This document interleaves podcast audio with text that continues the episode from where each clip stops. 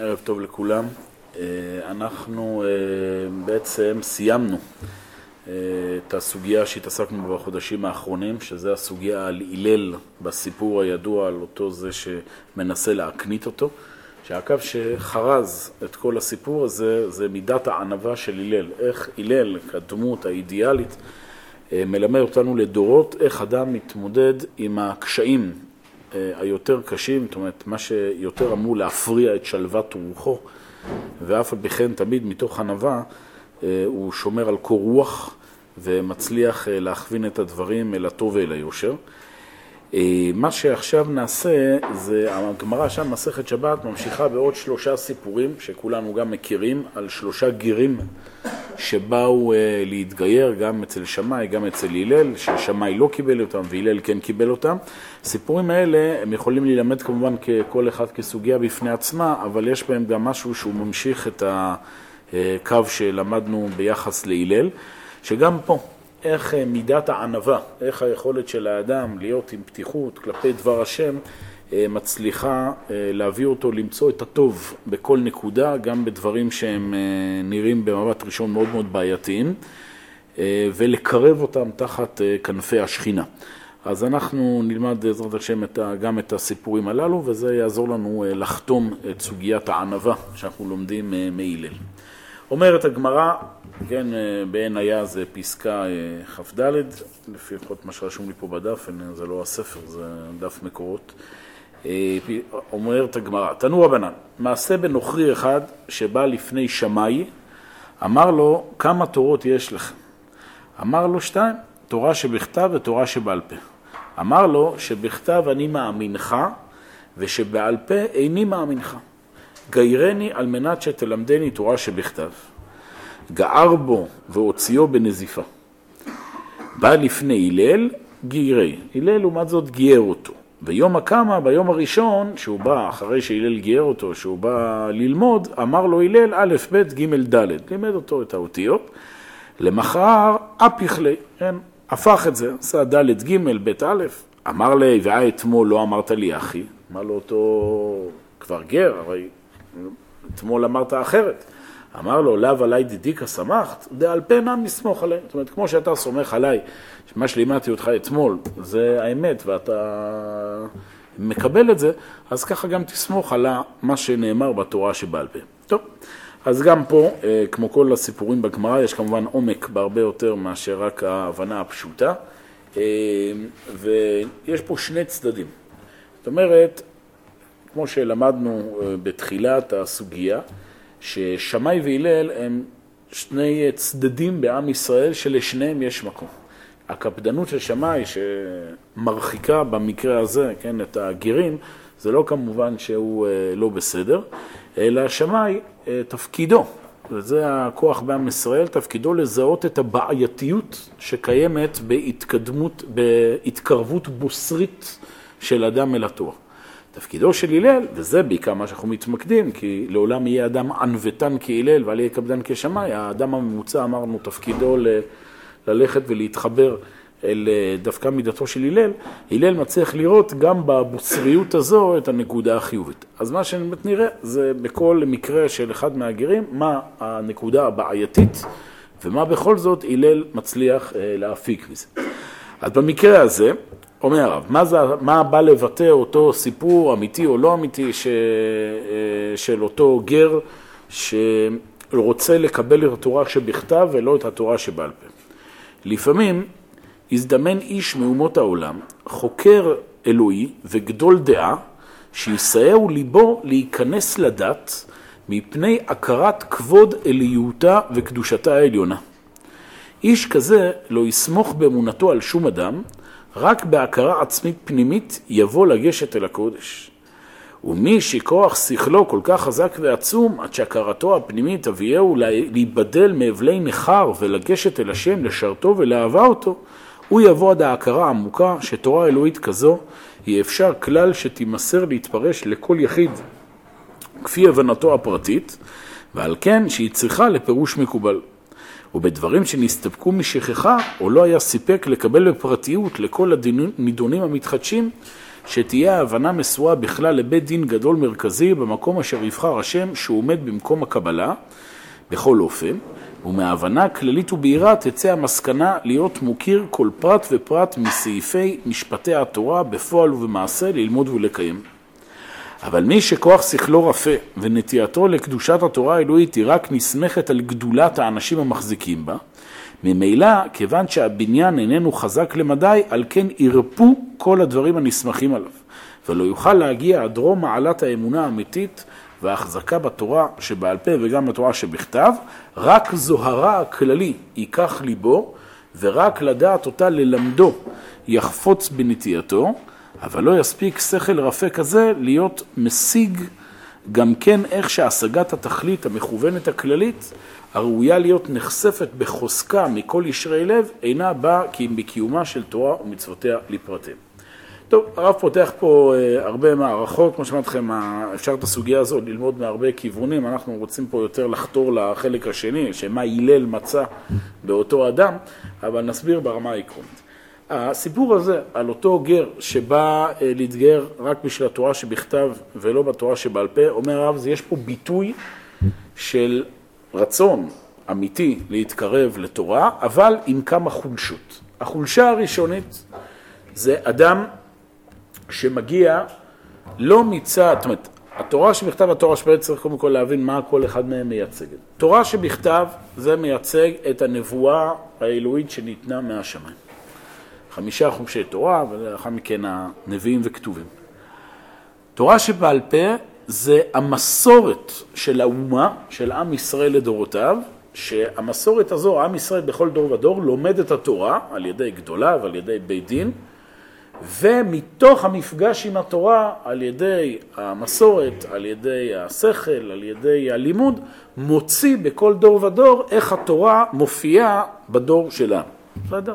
תורה שבכתב, תורה שבעל פה. מי שרוצה להרחיב בזה, יש באורות התורה של הרב קוק, פרק א', עוסק בכל הנושא הזה, זו שפה קצת גבוהה, אבל אה, זה שני הצדדים של התורה. אם תרצו, תורה שבכתב זה העתיד, תורה שבעל פה זה ההווה.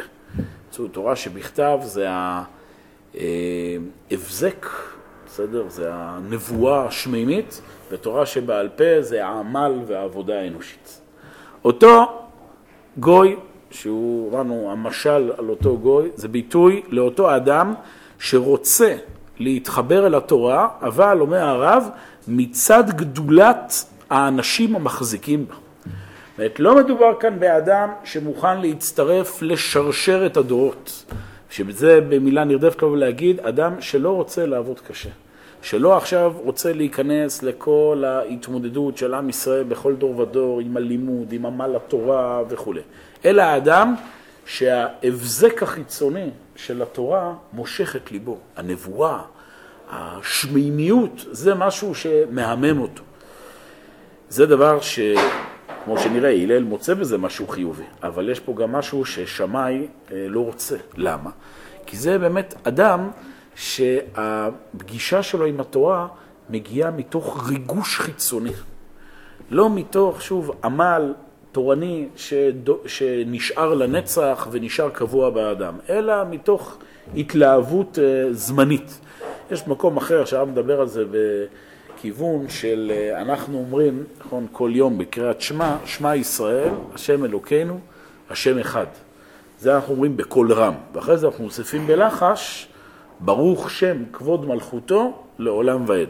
בסדר שזה לקוח מפרשת ויחי, שיעקב אבינו אה, כן, אה, שבניו עמדו סביב מיטתו לפני מותו, כן, הוא חשש שאולי יש ביניהם איזה שהם, אה, כן, לא... בעיות, אמרו לו, שמע ישראל, שמע אבינו ישראל, כשם שבלבך אינו אלא אחד, כך בליבנו אינו אחד, ואז פתח יעקב ואמר, ברוך שם כבוד מלכותו לעולם ו... אומר המדרש, מדוע אנחנו אומרים את שמע ישראל בקול רם וברוך שם כבוד מלכותו בלחש? משל לבת מלך, משל נסיכה, שהייתה בהיריון, מעוברת, ועברה ליד בית המטבח של השפחות. זאת אומרת, עברה ליד המקום שהשפחות, כן, המשרתות אוכלות, והאריכה ציקי קדרה. ציקי קדרה זה אצל חז"ל ביטוי למאכל בזוי, כן, השאריות שנשארות בתחתית הסיר. שזה מאכל שלא ראוי לבת מלך לאכול, זה מאכל שפחות. אבל האריכה ציקי גדרה, וכיוון שהייתה מעוברת, זה קשור למושגים ההלכתיים של ימי הגמרא והמדרשים, שאישה שמעוברת, שהיא מריחה, שהיא רוצה, יש לה איזה בולמוס, קוראים לזה, רוצה לאכול משהו, צריך לתת, כי יש פה איזה תהליכים פיזיולוגיים ורגשיים שזקוקים אה, אה, אה, זקוקים מענה מיידי. היום זה כבר פחות, אבל מכל מקום זה המשל. האריכה ציקי גדרה, אז אומר, אומר המדרש, מה נעשה? לא לתת לה, יהיה לה צער, היא רוצה לאכול את זה. לתת לה, זה ביזוי, כן? אז אה, איך אפשר לתת לה אוכל של שפחות? מה אומר, אומר המדרש, מה היה הפתרון? ייתנו לה בחשאי, יתקינו לה בחשאי. זאת אומרת, יביאו לה צציקי גדרה, אבל מה שנקרא בשושו. את המשל הזה ממשילים על הסיפור הזה. אומר שרב, ישנם שני סוגי אמונה בשם. אמונה אחת, זה מה שאנחנו אומרים פה, האמונה שמבוטאת במילים שמע ישראל, השם לא כן שם אחד. שמע עם ישראל. יש התגלות אלוהית שהולכת ומופיעה בשרשרת ההיסטורית של ישראל, שרית עם אלוהים ואנשים לתוכר, במהלך הדורות. שמענו, ההתגלות האלוהית הזו זה התגלות לא משהו ששייך רק לעולם ה... אלא זה משהו שאנחנו חיים אותו בכל דור ודור. זה האמונה ברמתה הגבוהה.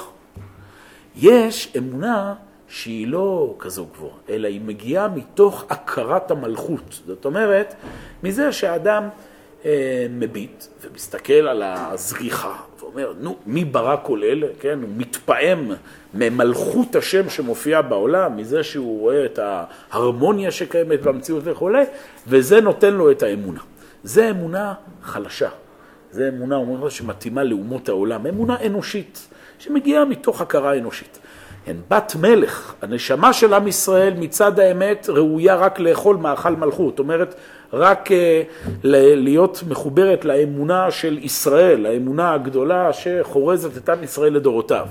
נו, מה לעשות? לפעמים הבת מלך מריחה ציקי גדרה. זאת אומרת, לפעמים הנשמה הישראלית היא לא מצליחה להתעלות אל האמונה הגדולה שמופיעה בכל הדורות, אז היא זקוקה לציקי קדרה, זאת אומרת, זקוקה לאמונה פחותה, שזה ברור שם כבוד מלכותו. זאת אומרת, בוא, טוב, אתה לא רואה את השגחה על עם ישראל מהלך הדורות, אתה לא רואה את ההשתלשלות של עם ישראל מהלך הדורות. טוב, בוא נראה לך, תסתכל פה, אתה רואה, יש כאן שמש, איזה זריחה, איזה יופי, איזה נוף, מישהו ברא פה את הכל. אמונה אנושית, כן? אמונה שמגיעה מתוך ההכרה האנושית. אז כל השנה כולה אנחנו אומרים שמע ישראל השם, ואנחנו מכריזים בקול רם את האמונה הגדולה.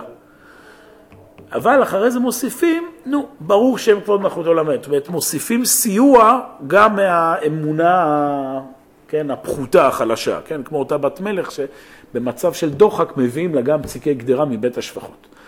חוץ מיום אחד בשנה, מתי אנחנו אומרים ברור שם כבוד מלכותו עולם ועד בקול רם? ביום כיפור. ביום כיפור. ביום כיפור זה יום שבו מלכות השם באמת מתגלה בעולם. זאת אומרת, זה לא כמו כל השנה כולה שצריך לעשות פה איזה קש הגיוני וזה, אלא מלכות השם מופיעה, ואז אפשר להגיד את זה גם בקול רם. מכל מקום לענייננו, אותו גר שבא אה, להתגייר, זה אותו גר שמגיע מצד ברור שם כבוד מלכותו עולם ועד. הוא מתפעם, וואו, יש פה גילוי, הוא... הוא מתלהב מזה שכן, ראה פה אנשים גדולים, או, כן, הוא מתרשם אה, אה, מחכמי ישראל, או אני יודע מה, או מתרשם שיש פה השגחת השם בעולם, איזושהי התעוררות רגשית לכך שיש אלוהים. ואנחנו מכירים את זה בכל העולם כולו.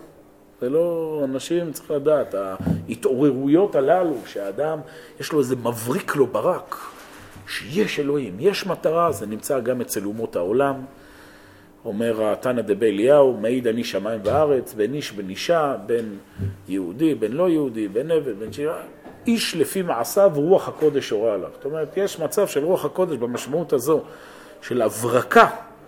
הרמב"ם קורא לזה ברק, כן, כמו הברק שיש פתאום מבריק שניהם בשמיים, שאדם מגיע למסקנה, יש אלוהים, זה יפה. אבל זה לא, מה שנקרא, לא צריך בשביל זה אמונה ישראלית. זה מה שמסביר הרב מייצג אותו אדם. הוא אומר, אני מאמין בתורה שבכתב. אני מאמין, שוב, בהתגלות שהייתה במעמד הר סיני, משהו שיוצר בנפש התפעמות רגשית, לזה אני מוכן להתחבר. לתורה שבעל פה, לאותה אמונה, כן, שיורדת אל הפרטים, שממשיכה בכל דור ודור, שעובר דרך המסורת של חכמי ישראל במהלך הדורות, לזה אני לא מתחבר. שמאי לא רוצה דבר כזה. שמאי דוחה. שמאי אומר אמונה כזו שמגיעה מתוך איזו התלהבות, התלהמות רגשית, זה משהו שהוא לא אמיתי. זה משהו שהוא נובע מאנו רגש שיכול להיות שהוא גם מזויף, וכמו שאמרנו, יכול להיות אדם שגם חווה חוויה ומחליט אה, להצטרף לנצרות. והיו דברים מעולם. גילויים כאלה, יש היום גם הסברים אה, אפילו פסיכולוגים, נוירולוגים על הדבר הזה, שאדם יש לו איזה התקף, אה, התקף הזיה, אה, לא יודע מה המינוח המקצועי של זה בדיוק. למשל, יש מושג שנקרא סינדרום ירושלים, שמגיעים לירושלים אנשים מכל העולם והם מדמיינים שהם חווים איזו חוויה דתית. כן? לא יהודים. מגיעים לירושלים ומרגישים, זה כל אלה שמסתובבים ליד הכותל וטוענים שאלוהים דיבר איתם והם המשיח וזה, יש, יש, יש דברים כאלה, מתנקזים באופן טבעי למקומות עם מתח רוחני גבוה. שמאי לא רוצה דברים כאלה, הוא דוחה. כן, אומר הרב, אצל אותו אדם, כן, כל אלה החולשות, אני קורא שם באמצע, איפה שהפסקנו לקרוא, כל אלה החולשות של אדם שמתלהב עכשיו מאיזו אמונה רגשית ולא מוכן לעבוד, כל אלה החולשות נתקבצו, באו יחד באותו הנוכרי. תחילה אמר על תורה שבכתב, לא שהוא מאמין בה בסתם, כי אם אני מאמינך מצד גדולתך ופרסומך בחוכמה וצדק והיותך מחזיק בה באמת. כן, הוא בא לשמה ואומר, למה אני רוצה להתחבר? כי אתה נראה לי אדם... קיצור, מדובר כאן באדם שלא בודק דברים בצורה שכלית, אלא מתלהב מדמויות כריזמטיות. זה בדיוק. למדנו מכון הורם, שהיית שם קודם, זה נטייה כזו בנפש האנושית, לאנשים להתלהב, וואו, יש פה מישהו, סיפורים, מופתים, יש לו זקן גדול, עיניים בורקות, מנהיגי כתות יש בכל העולם, בסדר. אנשים שיש להם איזה שהם כוחות אמיתיים או מזויפים, אפילו אמיתיים, של אה, אה, יכולת השפעה, וזה לא להתרגש. יש כאלה דברים. וזה אותו, והוא אומר, שאומר הרב, זה גירעון גדול למי שרוצה לבוא עד המעלה העליונה, להיות מתנדב, להיכנס בחיל השם אלו ישראל ללא דרשו. כן, ללא, אדם שלא רוצה לעבוד, לא להתאמץ, לא להבין בעצמו, אלא רוצה עכשיו שאיזה מישהו יסדר לו את העבודה, כן, תורה שבכתב, אתה תגיד לי מה אלוהים רוצה ממני ואני אעשה. בסדר, זה, הרבה אנשים רוצים את זה, זה כיף, זה... גורם לבן אדם להסיר אחריות, לא צריך לעבוד יותר, לעקוף את העמל, את העבודה. קיבל, הבנתי איפה יש פה כספומט, שפשוט קו ישיר לאלוהים. מזה נמשך הדבר שסיים שתורה שבעל פה איני מאמינך. כי האמונה, למה הוא לא מאמין? כן, הרב רואה בזה המשך ישיר. למה מי שבא עכשיו להתחבר לתורה רק מצד איזו הידבקות באישיות כריזמטית, הוא לא ממשיך להאמין בתורה שבעל פה? כי האמונה החיצונית, הבאה לא מהכרה של חוכמה ודעת אלוהים, אלא אמרנו מאיזו התלהבות רגשית, תעמוד באמצע הדרך. כלומר, יש לה אנרגיה מוגבלת, באיזה שלב היא דועכת. וכוח המושך של האדם, כן, האנרציה שהאדם מתלהב, היא אפילו יהיה גדול מאוד, יש לו גבול ידוע עד היכן הוא שולט. אם אתה מתחבר לתורה מצד אנושי, כמו שאמרנו, מאיזו התלהבות, מאיזו דמות וכולי, זה מוגבל הכוח הזה. שוב, זה מטה, כי בהתחלה זה נראה, וואו. כן, זה בהתחלה, בטווח קצר, זה נותן המון אנרגיה.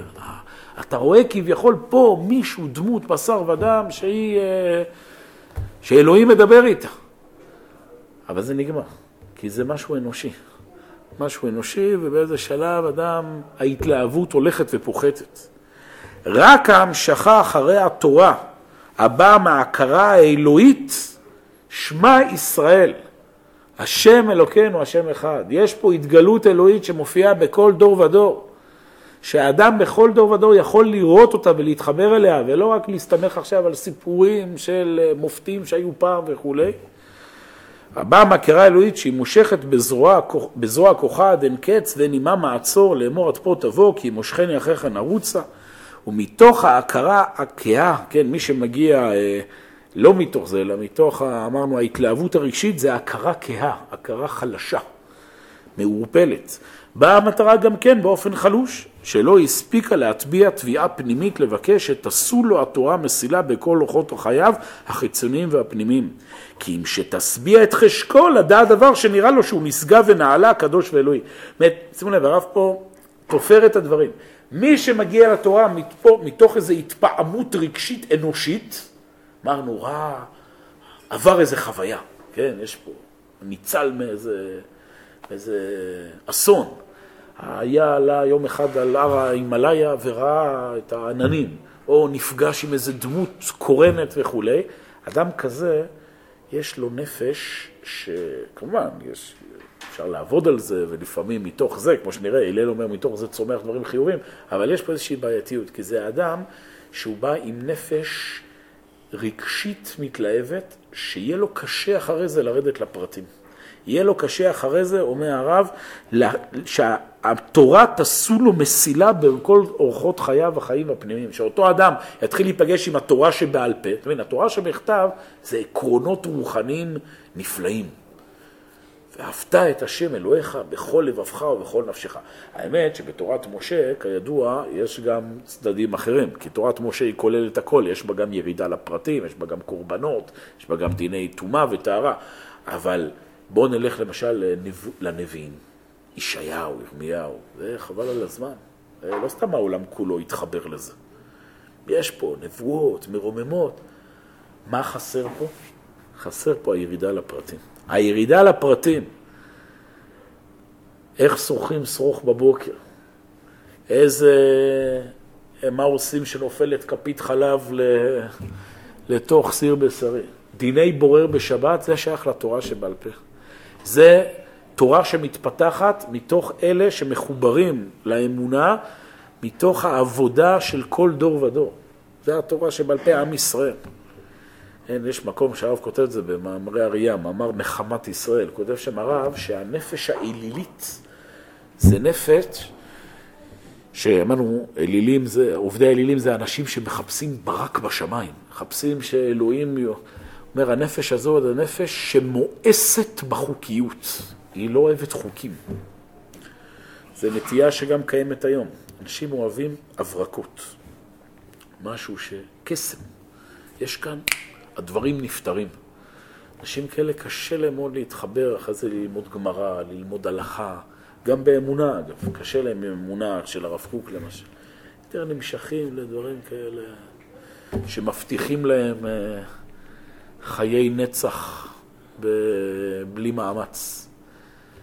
נפש כזה אומר שמאי זה בעייתי, בעייתי. אדם כזה הוא, הוא לא סתם לא אוהב את התורה שבעל פה, הוא אומר תורה שבכתב כי בעצם הוא רוצה פה חיבור תורני שיגיע לא מתוך העמל והעבודה, אלא מתוך התלהבות וחוסר רצון לרדת אל הפרטים. נכון, אנחנו בבעיה קשה. זה שהיום, היום באמת ודאי זה התרבות, התרבות היום, שהיא תרבות מאוד רגשית ומאוד דמיונית, שזה חלק מתהליך שהעולם עובר, שעכשיו, אחרי כל כך הרבה שנים, שהשכל והרציונל דיכא את המין האנושי, ועכשיו כולם רוצים, אה, כן, להשתחרר, כן, אה, וכולי. אה, יש לזה תפקיד בעולם, כמו שהלל יסביר, זה בא לבנות פה קומות של נבואה, אבל בשלב ראשון, נכון, ולכן בעיה קשה. היום קשה מאוד לחבר אדם שגדל בתרבות הפוסט-מודרנית הכללית לתורה. במקרה הטוב אתה מצליח לחבר אותו לחוויות רגשיות בשיטות הפוסט-מודרניות. אתה מביא לו נינג'ה שחזר בתשובה, אה, נסיך אפריקאי שהתאסלם, נהיה בודהיסט, התנצר. מחבל שחזר בתשובה, זה היום הטרנד, זה, זה טוב. דרושים מחבלים חוזרים בתשובה, צריך להסביר את זה למחבלים. שאם יחזרו בתשובה, יכלו לרוץ עכשיו בישיבות תיכוניות, באולפנות, לתת הרצאות, חבל על הזמן. שחקני, דוגמני, משהו כזה, שנותן אה, פורקן לנפש האקזוטית. בסדר, היה משובח, סיפור אישי, מרגש, היה, זה, הייתי בהודו, פתאום התגלה אליי, אה, היה לי התגלות בלילה ו... וכולי. אה, אז אתה, בסדר, זה לפעמים, יאללה, תופס משהו.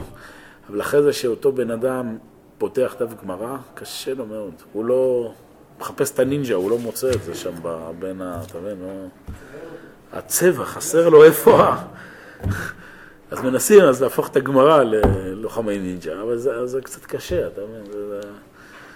אז, אז הוא הולך ללמוד קבלה. זה, עכשיו יש כזה, אפשר להדליק נרות, ו...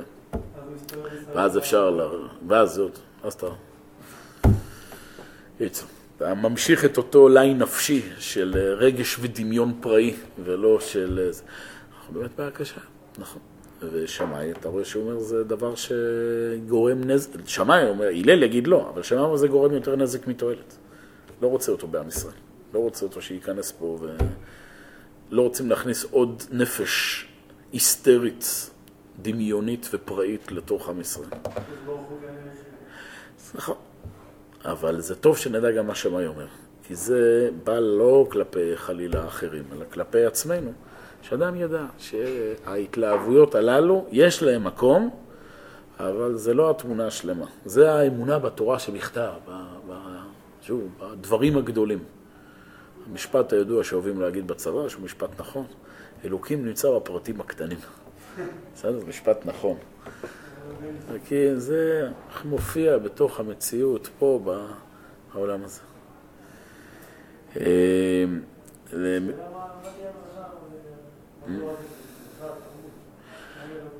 לא, אני לא יודע. יכול להיות ששוב, אתה אומר, תשמע, שאני מדבר עכשיו עם אנשים שזה נקודת הממשק שלי אליהם, אז אפשר לדבר איתם גם בצורה כזו. ברור שאסור שזה יהפוך להיות הלב של הלימוד התורני. אם בסוף בישיבות, במדרשות, זה יהיה צורת הלימוד, הלך עליהם. כן, אם בסוף החוויה הרוחנית המרכזית תהיה סביב התורה שבכתב. אגב, זו גם הסיבה שלימוד תנ"ך הוא לא מרכז הלימוד התורני. יש כמובן צריך ללמוד תנ"ך, אבל זה לא מרכז הלימוד התורני. מרכז הלימוד התורני זה התורה שבעל פה. ותשים לב שבתרבות החילונית דווקא מתלהבים מהתנ"ך. אה? כן, אני אומר למה? כי גם בעולם כולו, כי תנ"ך, שוב, זה, זה נותן איזה דמיון של נגיעה ב, באלוהים בלי, בלי הירידה לפרטים. וכמובן בתנ"ך אתה יכול לעשות מה שאתה רוצה, כן? אתה יכול לקרוא שם ולהכניס, כי זה בלי פרטים, זה עקרונות כלליים, מה, כתוב בנביא, וגר זאב עם כבש, תמר עם גדיר בת, מה, לא טוב, אפשר לעשות עם זה מה שרוצים. כן. אה, לרדת אל, ה... בסדר, אל כל הפרטים, זה כבר התורה שבעל פה. וזה דבר שהוא, אה, באמת אנשים קשה להם, אבל זה, זה הדבר המרכזי. אה, לכן, בכל אופן, כן, אני, תסתכלו, אני מדלג לסוף הפסקה, והנזיפה על מיעוט כוח קיומה של תורה, בסומו יסוד גירותו גירותו רק ל... נראה לי זה מידה צריך להיות. רק למידה הכוללת של תורה שבכתב ותו לא, זאת אומרת, זה שהגר הזה רוצה רק את התורה שבכתב, על כן בצדק גער פה והוציאו בנזיפה. שמאי עשה את, ה... את מה שהיה צריך לעשות כדי להנחיל לדורות שככה לא ניגשים לתורה. אבל אחרי הסיפור עם שמאי מגיע הסיפור עם הלל. ושוב, אנחנו, זה המוקד הסוגיה שלנו. איך מתוך ענווה, גם בנקודה כזו אפשר להתרומם. בא לפני הלל גירי, אומר הרב. יש הפרש בין אם נסתכל על באדם לפי מצבו הרוחני בפועל, לבין אם נסתכל על עניינו בכוח. שאם נסתכל על משהו בפועל, אז כאשר נמצא בו חסרונות, סליחה, נפנה אליו עורף ונמסהו. אמנם, אם נסתכל על היסוד הכוחני, כוחני זה פוטנציאלי, כן, מה שנמצא בכוח, אם נסתכל על היסוד הכוחני שבו, אז יוכל להיות שנמצא בו כישרון טוב ולב נכון, שרק סיבות מקריות גרמו את החסרונות. על כן, באהבה וסובלנות מרובה יסור החסרונות וישוב לנו האיש בכל כוחותיו לטובה. על כן, כאשר יסתכל הלל בכוח הצפון באיש הזה, שעם הגסות השרויה בעמו בכלל ועם כל רחוקו מאור השם יתברך ותורתו, מכל מקום נפשו תשתוקק לאורה של תורה, אפילו במובן שטחי וגרוע. מכל מקום, אותו על כוח נשגב הנמצא בנפשו, שכאשר נשתמש באור תורה ואהבה ונחת, נוציא לפועל כמה דברים יקרים, ויהפך כולו למוטב, להיות דבק בתורת השם באמונה שלמה ואהבת אמת. הלל, שאמרנו, הוא במידת הענווה שבו, מזהה דברים לא כפי שהם עכשיו, אלא על פי מה שיכול לצמוח בהם, מה שיצמח בעתיד. הלל הוא המומחה, כמו עם אותו שראינו מול אותו אחד שמנסה להקנית אותו, לזהות את הפנימיות של הדברים. מה טמון פה בפוטנציאל? אותו גר שמגיע בפועל הוא אדם גס. אמרנו, הוא אדם מאוד מאוד אה, רגשי במשמעות השלילית, זאת אומרת, מתלהב מברקים חיצוניים. ו...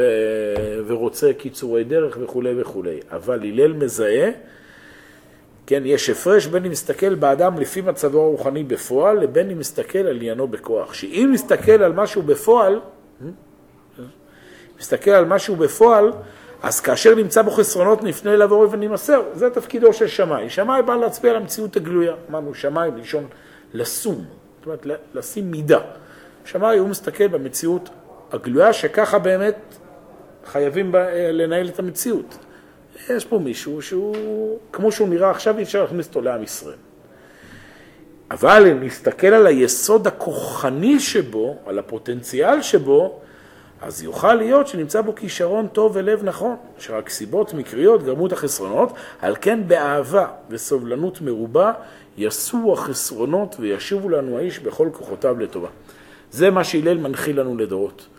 גם כאשר המציאות כלפי חוץ היא נראית בעייתית, תזהה את הפוטנציאל שיכול. ואותו כיוון רוחני, שהוא מגיע, אמרנו, מתוך התלהבות ילדותית וכולי, בסוף זה גם יכול לצמוח לטובה. זה גם, כמו שהמדרש אומר, בסוף מביאים לבת מלך את הציקי קדרה. מביאים לה בחשאי, אבל מביאים לה. כי זה מה שהיא עכשיו נמצאת שם, היא תקפה אותה בולמוס, היא עכשיו חייבת לאכול את זה, נותנים לה. בזכות זה שהיא תאכל את זה, אז היא תמשיך את ההיריון, ואז היא גם תחזור ותאכל את המאכל שמתאים לבת מלך. גם, אם ניקח את זה לרמה האישית, גם אדם, אה, ברור שהאמונה שאליה נתבע אדם, כמו שאמרנו, זה אמונה של עבודה, של, אה, של מאמץ, של מס... אבל יש בוודאי רגעים שהאדם זקוק גם להערה. בסדר? אז אדם זקוק לאיזה ברקים והבזקים, ואם הוא משתמש בזה בפרופורציה נכונה, הוא מבחין בין עיקר לטפל, אני מבין שיש לזה מקום, אבל לא הופך את זה לדבר המרכזי, אז, אז זה המציאות האידיאלית. כן.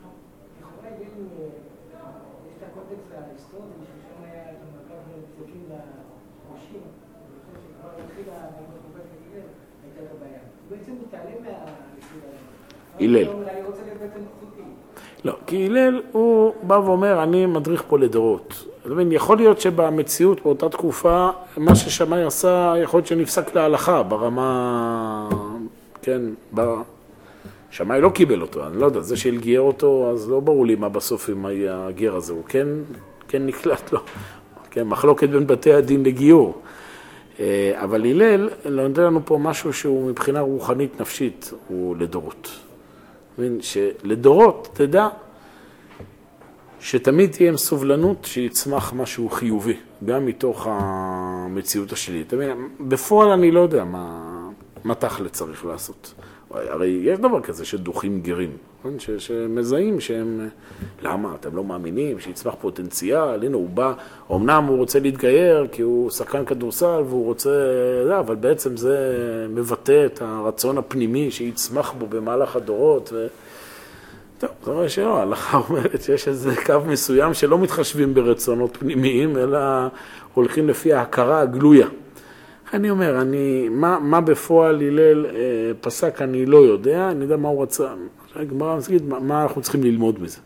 ללמוד שהאדם צריך לדעת שגם שיש לו את הצדדים הנמוכים בנפש שמקרבים אותו, לא, לא לדחות אותם, אלא גם אותם להכניס לבית ישראל. אז זו הפסקה הראשונה. פסקה השנייה שנמצאת בדף השני, והיא הפסקה המרכזית, נראה כמה נספיק ממנה היום, אה, שכאן זה סיפור יותר ידוע אפילו מהסיפור הקודם. שוב מעשה בנוכרי אחד, אתם מבינים גם פה, הנחת המוצא היא, שוב, יכול להיות שבאמת היה פה כל הגירים האלה, אבל יכול להיות שהגמרא מלבישה פה סיפורים, אתם רואים, זה, זה, יש פה משהו כזה סימטרי מדי בסיפור הזה, בין, שוב דוחה ושוב סיפור, אז שמאי דוחה, הלל דוחה. הגמרא רצה לתת לנו פה איזה כיוון, זה מה שחשוב. שוב מעשה בנוכרי אחד שבא לפני, שמר, לפני שמאי, אמר לו, יגיירני על מנת שתלמדני כל התורה כולה, שאני עומד רגל אחת. דחפו באמת הבניין שבידו. בא לפני הלל גיירי. אמר לו הלל, מה זה כל התורה כולה על רגל אחת? דאלך שני לחברך לא תעביד. מה ששנוא עליך, אל תעשה לחברך, זוהי כל התורה כולה, ואידך פירוש הוא זיגמור, וכל השאר זה פירוש של האמרה הזאת. נכון, זה גמרא, כולם אוהבים לצטט אותה. נכון, כל פעם שיש איזה דתי מעצבן שמדבר על זה שצריך להקפיד על שבת, מה שאומרים לו, תלמד גמרא, מה שחשוב, מה ששנוא עליך, אל תעשה לחברך, זה עיקר התורה, ולא כל התוספות שהתווספו במהלך הדורות. התורה היא תורה חברתית, התורה היא... אה, כן, קיצור, יש פה... אה, כן, זהו, המשך זה לא, העיקר זה, ואהבת לרעך כמוך, זה כלל גדול בתורה, ואני יהודי טוב, כי אני... אה, זה, קיצור. דברים ידועים שכבר אלפי שנה משמשים תירוץ לאנשים למה לא לקיים דקדוקי תורה וכו'. אז כמו שתראו, גם פה יש מה להעמיק במשפט הזה. אומר מה זה, שוב, אותו גר שבא ואומר, גיירני את כל התואר על רגל אחת, מה, מה הביטוי המשונה הזה? אומר, הרגש הטבעי שיש באדם לטוב ולצדק, שהוא באמת נובע מהאור האלוהי שבנפש האדם, באמת, כדי לשכללו ולפתחו יפה יפה, זהו יסוד התורה. אמנם מפני שהאדם הוא קצר רואי, אינו יכול כלל להקיף את המון המעשים הצריכים להעשות או להעזב, כדי להפיק את התכלית של הטוב היושר האמיתי, על כן צריך הוא להדרכה האלוהית שנתונה בדעתו של אל דעות ברוך הוא, שמקפת את כל המציאות מתחילה ועד סוף, כדי שיהיו הפעולות מותאמות אל עומק היושר היותר כולל ויותר מקיף, ונכון עם העתיד היותר עמוק ורחוק כמו עם ההווה היותר קרוב. והנה, מתוך שזה נשרש יפה בליבו של כל אדם משכיל, שראוי שתהיה תכלית התורה, הצדק והיושר, שהיסודות הללו הוא מכיר כללותם בשכלו והרגשתו הטבעית, מפני כך הטעות קרובה לבוא. שכשם שהוא מרגיש את היסוד הכללי, כן הוא צריך להרגיש גם כן את היחס של הפרטים אליו. ובאמת היסוד הכללי הוא נטוע בעצם טבע הנפש. אבל ליחס וכל הפרטים אל הכלל, זה תלוי בעומקה של תורה שצריך לימוד מרובה. ואחרי כל היגיעה אי אפשר שישיג האדם דבר זה התלוי בדעת עליון וכל הוראה הגדול. והנה השכל והרגש שמשנה רגלי האדם במובן הרוחני בהם מתהלך בארצות החיים, לחוש את הטוב ולהשכיל את האמת, והנוכרי הזה, אשר חוכמת יוון משכתו אל הרגש של טוב ונשגב, חפץ שירגיש את כל התורה כולה לפרטיה על פי תורת הרגש, רגל אחת, למדני כל התורה כולה שעומד על רגל אחת. פסקה זו היא המשך של הפסקה הקודמת, אבל קצת בזווית אחרת. הביטוי הזה, שאדם אומר, אני רוצה ללמוד כל התורה כולה רגל אחת, זה ביטוי לבוא ולהגיד, אומר הרב, אני נמשך לתורה מצד איזה רגש אנושי כללי. יש בי משהו טוב. בכל אדם יש, אם אני ממשיך את מה שדיברנו קודם, יש איזה ניצוץ לזה שהעולם הוא לא רק אוסף של דברים טכניים. יש בעולם הזה אמונה, יש בעולם הזה אלוהים, יש בעולם הזה תקווה, יש בעולם הזה טוב, יש בעולם הזה יושר. זה רגש אנושי שהוא אמרנו, משותף לכל האנושות, והוא רגש, כמו שנראה, הלל אומר, זה רגש טוב שאפשר לטפח אותו. אבל אותו גוי זה, אותו אדם, זה, אות, זה ביטוי לאותה גישה שרוצה להעמיד את כל התורה כולה על רגל הרגש. זאת אומרת, אני רוצה בנקודה אחת, בסדר? באיזה תחושה רגשית עמומה, להכיל את הכל. זו תופעה, אם זה לב, שהיא מאוד מאוד נפוצה היום. החל ברמה הטכנית, שהאנשים אין להם כוח לרדת לפרטים, הם רוצים אה, כללים, אה, עצות קטנות לחיים מאושרים, יש כאלה ספרונים. כאילו, משהו כזה מהיר, זמין, קל ומיידי. בסדר? לא... אל, אל, אל, אל, אתה מתחיל להגיד שלושה משפטים שבונים איזשהו מהלך, אנשים מתחילים להתעייף. בוא, בוא, בוא, די, די, די, מספיק. בואו בוא נדבר, יש שם איזה מצגות, זה עובד, נכון? יש כזה. מצגת, א', ב', זהו, גם ג' זה כבר יותר מדי. א', ב', הנה נתנו פה את הסוד לחיים מאושרים.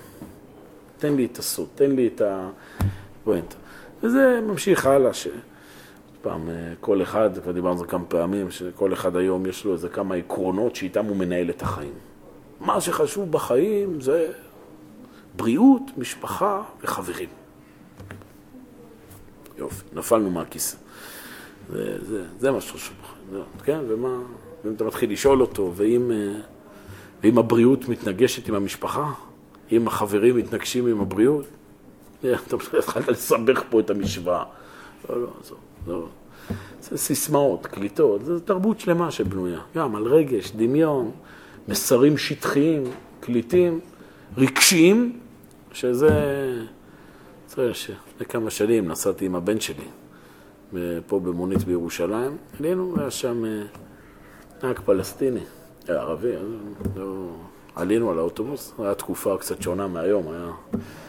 ונסענו, ובדיוק כשפתחנו, הוא פתח שם את הרדיו, שוב ברדיו גם היה פיגוע. אה, כן, אתם רואים, יש דברים שלא משתנים. בקיצור, הוא התחיל שם הנהג, התחיל מונולוג, מה שנקרא.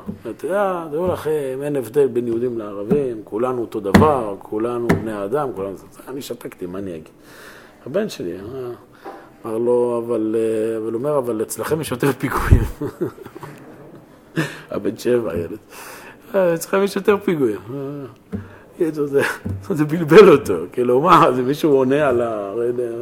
ההסכם הלא כתוב זה שאומרים משפטים כאלה שטחיים וקליטים, וכולם עושים, נכון, נכון, נכון. הקשינו קושייה, נכון, הוא גם בני אדם, אבל תשים לב שאם נתרגם את זה לשפה קצת יותר אה, בוגרת, יש משהו בתרבות ש...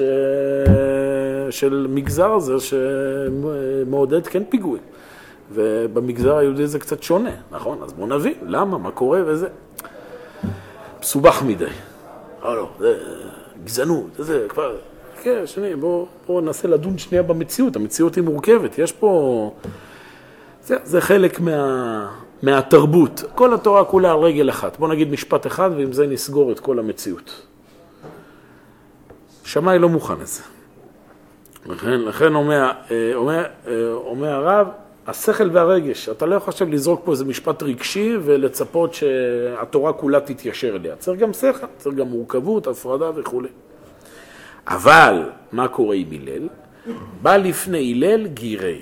אומר לו הלל, בסדר, יש איזה עיקרון שאפשר ממנו להתחיל את כל התורה כולה.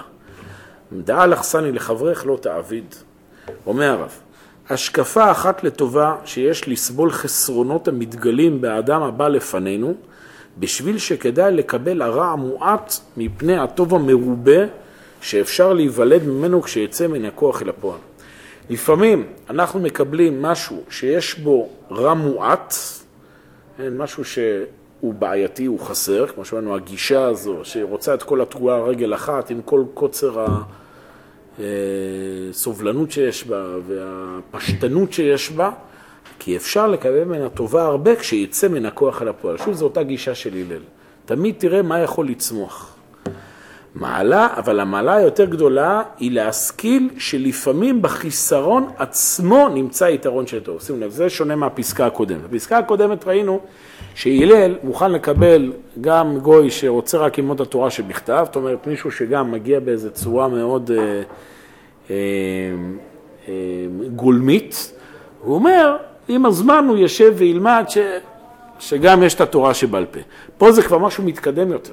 לא רק שילד בא ואומר, עם הזמן הוא יבין שמהתורה כולה אה, יצמחו עוד דברים, זה בוודאי. גם מה, מה שאתה מחפש, את אותו עיקרון, כן, ראשוני, שאתה אמרת, אתה מתחבר פה לרגש הראשוני של התורה, גם מזה עצמו יש דבר חיובי. זה הורה לנו הלל בענוותנותו עם הגר הזה יותר ממה שלמדנו ממי שקדם לו. שאמרנו ששם זה היה רק טוב, זה יצמח ממנו דברים טובים. פה אומר, כבר עכשיו יש לך יסוד מאוד חיובי. שכאן הראה לדעת שאף על פי שעל ידי התביעה לצמצם את כל התורה כולה אל הרגש האנושי, אפילו יהיה טוב וטהור יכולים לצאת מכשולים, אבל המכשולים אינם באים מפני שאין לדבר התביעה של מציאות יחס לרגש האנושי הטוב המבונה על פי עומק הצדק והיושר עם התורה כולה, אלא מפני שהרגש האנושי צריך לימוד מרובה, וכפי עומק תכליתו הוא צריך דווקא לאור האלוהי ותורת אמת מאת השם אדון כל המעשים, שהוא קורא הדורות מראש ולפניו נגלו כל המון נסתרות מתחילה ועד סוף ומראשית ועד אחרית, שהרי אמת שיסוד התביעה נמצאת בלב האדם ישר להיות מתהלך בתומו, לפעול צד, טוב וצדק היא נטייה יקרה, ועל בסיס שלה ראוי שתינתן תורה תמימה. אני אסביר את זה ואז נמשיך. אומר הרב, זה שבן אדם מגיע עם רגש אנושי, מה ששנוא לחברך, אל, מה ששנוא עליך אל תעשה לחברך, זה רגש שממנו אפשר לצמוח הכל. לא שזה הכל, לא שזה הכל. אבל הרגש הזה, הרגש הזה, הוא מעיד שהבן אדם, יש לו נטייה אל הטוב. קורא לזה, יש פה יש פה נטייה שנמצאת בלב אדם ישר להיות מתהלך בתומו, לפעול טוב הצדק, היא נטייה יקרה. הרגש האנושי הזה של האדם להיות טוב במשמעות הכי בסיסית, המוסר האנושי הפשוט, לא לפגוע באחר מה שאתה שונא, זה חומר, לא רק שזה חומר גלם שיצטרך ממנו משהו טוב, כבר עכשיו זה מעיד שהנפש של האדם נמצאת במקום הנכון. הלב שלו נמצא במקום הנכון. עכשיו בואו נטפח את זה. זה, זה הלל. שמאי הוא מפחד מכל הדברים השלילים שיכולים להיתפס לזה. אמרנו, אדם שמגיע רק עם רגש אנושי, הוא יכול אה, עם זה להוביל למקומות שלילים. הלל מוביל אותנו למדריך לדורות, שגם את הדברים האלה אנחנו מטפחים. אבל כיוון שהגיע אדם לנטיית הטוב והצדק, מיד צריך שישכיל, כי לא רק הטוב הקטן והדל שיוכל לעשות עם רעו אשר לנגד עיניו, זהו כל הנכלל בעומק הנפש בכוח אהבת הטוב שלה. כי אם אהבת הטוב היא כוללת כל האדם אשר על פני האדמה בכל הזמנים ובכל הדורות ובכל היקום. כלומר, האדם, עם הזמן הוא יושב ולומד, שלא רק הרגש העמום הזה של לעשות טוב לאנשים, אלא אתה מחפש עכשיו טוב שיכלול את כל האדם בכל הזמנים וכל הדורות וכל היקום. וזה עכשיו תורת ישראל והמהלך שעם ישראל מוביל בעולם. זה מתחיל מזה, חסידי אומות העולם, זה מתחיל מזה שבן קודם כל רוצה לעשות טוב ברמה הפשוטה ביותר. אדם שרוצה לעשות טוב ברמה הפשוטה יותר, במוסר האנושי, עכשיו הוא יכול ללכת ולהתחבר אל, ה... אל הטוב הגדול שעם ישראל רוצה להוביל בעם. לכן ספר בראשית הוא לפני ספר שמות. ספר בראשית עוסקים, ספר הישר, כמו שאומר הנציב, בשאיפה האנושית להיות טוב וישר, להיות טוב ולעשות חסד ומשפט וכו'. ספר שמות נולד עם ישראל שכבר מוביל לזה משהו בהרבה יותר גדול, ולפעמים המשהו הגדול הזה הוא דורש בשלב ראשון דברים שהם לא טובים וישרים כלפי אחרים, כן? מכות מצרים, מה שאנחנו לומדים בפרשיות הללו עכשיו, זה דברים שבשלב ראשון גורמים בעולם להרבה כאב אצל המצרים. טוב, אז כשאדם מתחבר הוא מבין שבשביל להביא את הטוב הגדול לעולם, לפעמים גם אה, יש אה, בדרך אה, כל מיני כאבים שצריכים חלק מחבלי הלידה. אבל הבסיס הוא מתחיל מה, מהרצון להיות טוב. בוודאי יש יחס אל נטיית הטוב הקטנה, המתעוררת לעשות חסד עם רעהו, אשר לעיניו יתמוגג במחבו, אלא שאיפת הטוב הגדול להיטיב גורל האדם בכלל בחומריותו ורוחניותו, לעשות את עצם חייו ליותר מאושרים ומוצלחים, להרבות במידות טובות וחיי שלום, נועם ושלווה, שעל זה צריך מערכה גדולה של סדרים והשרשה גדולה בנפשות, שאי אפשר שתתבונן, נראה לי צריך להיות תתכונן, אי אפשר שהמערכה הזאת תתכונן במציאות, כי אם על ידי הקליט, היא קלטה יפה באומה שלמה המוכנת לגשת בכלל לעבודת הקודש, להיות ממלכת כהנים וגוי קדוש. בשביל שהטוב הגדול יופיע בעולם, זה כבר הופך להיות משהו מורכב, קשור לאומה, לכל התורה שעם ישראל אה, הולך ומפתח במהלך אלפי שנים, אידך פירוש אז יגמור. קח את הרגש האנושי שלך ותפתח אותו, אבל אל תמחוק אותו. בסדר, אם שוב ניקח את זה ב... להדרכות האישיות שלנו, כשאדם הולך ומתעלה בלימוד וכולי, אסור שהדברים ימחקו את הנקודות הראשוניות. כלומר, התחושות הבסיסיות שלנו כבני אדם, עוד לפני שאנחנו יהודים, התחושות בנו של אה, חמלה וחסד ורצון להיטיב, זה דבר שממנו התורה צריכה לצמוח. לא ש... אמרנו, לפעמים יש... אתה, אתה, בשביל לקדם את הדברים, אז אתה נאלץ לצאת נגד דברים מסוימים שהם עכשיו צריך להרוג את עמלק. אבל ה... את הרגש הבסיסי הזה עצמו צריך אה, להשאיר. צריך להשאיר ולתת לו מקום. אמ, על כן, כן דייקתי שלוש שורות, באמת הרגש הטוב, זה המשפט החשוב פה, הרגש הטוב הוא הבסיס לתורה. דרך ארץ שקדמה לתורה. הרגש הטוב, כלומר המוסר הבסיסי, ואי אפשר כלל לחלק את המוסר הטבעי מכלל התורה כולה. הרגשות המוסריים הטבעיים הם הבסיס שמשם התורה צריכה לצמוח.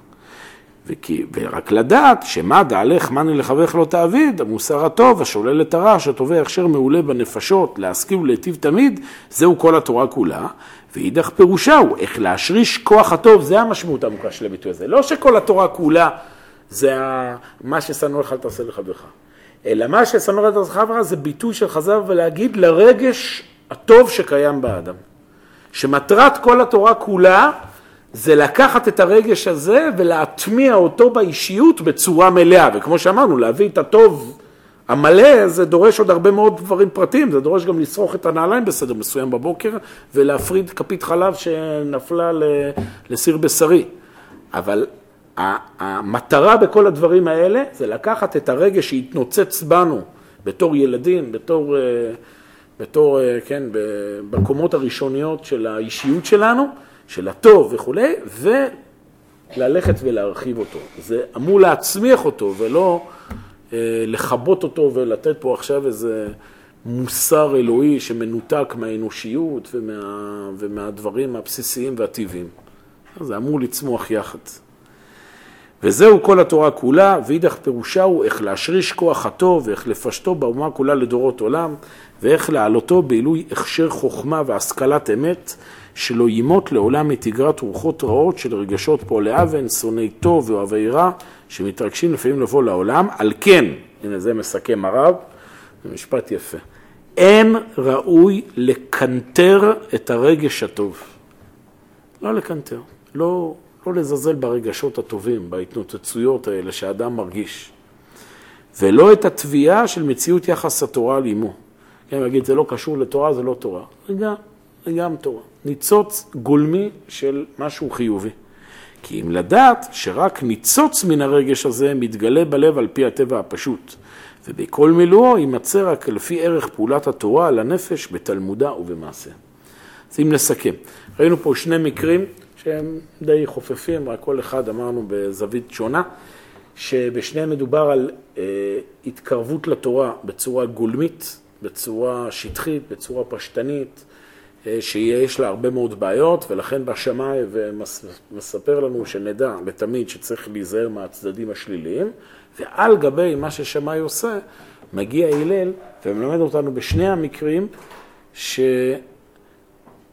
שלחפש מתוך ענווה את נקודת הטוב. במקרה הראשון, לחפש את זה ממה שעוד יצמח, ובמקרה השני, למצוא את הטוב במה שיש עכשיו. אל תזלזל, אל תזלזלי בנקודות האנושיות, הבסיסיות, הטובות שקיימות, באינסטינקטים, בתחוש... בכל הזרם החיים הטבעי, ורק לקחת עכשיו את התורה כולה, ומשם ללכת ולהצמיח עוד ועוד אה, בניינים. טוב, נעצור כאן. למה לא?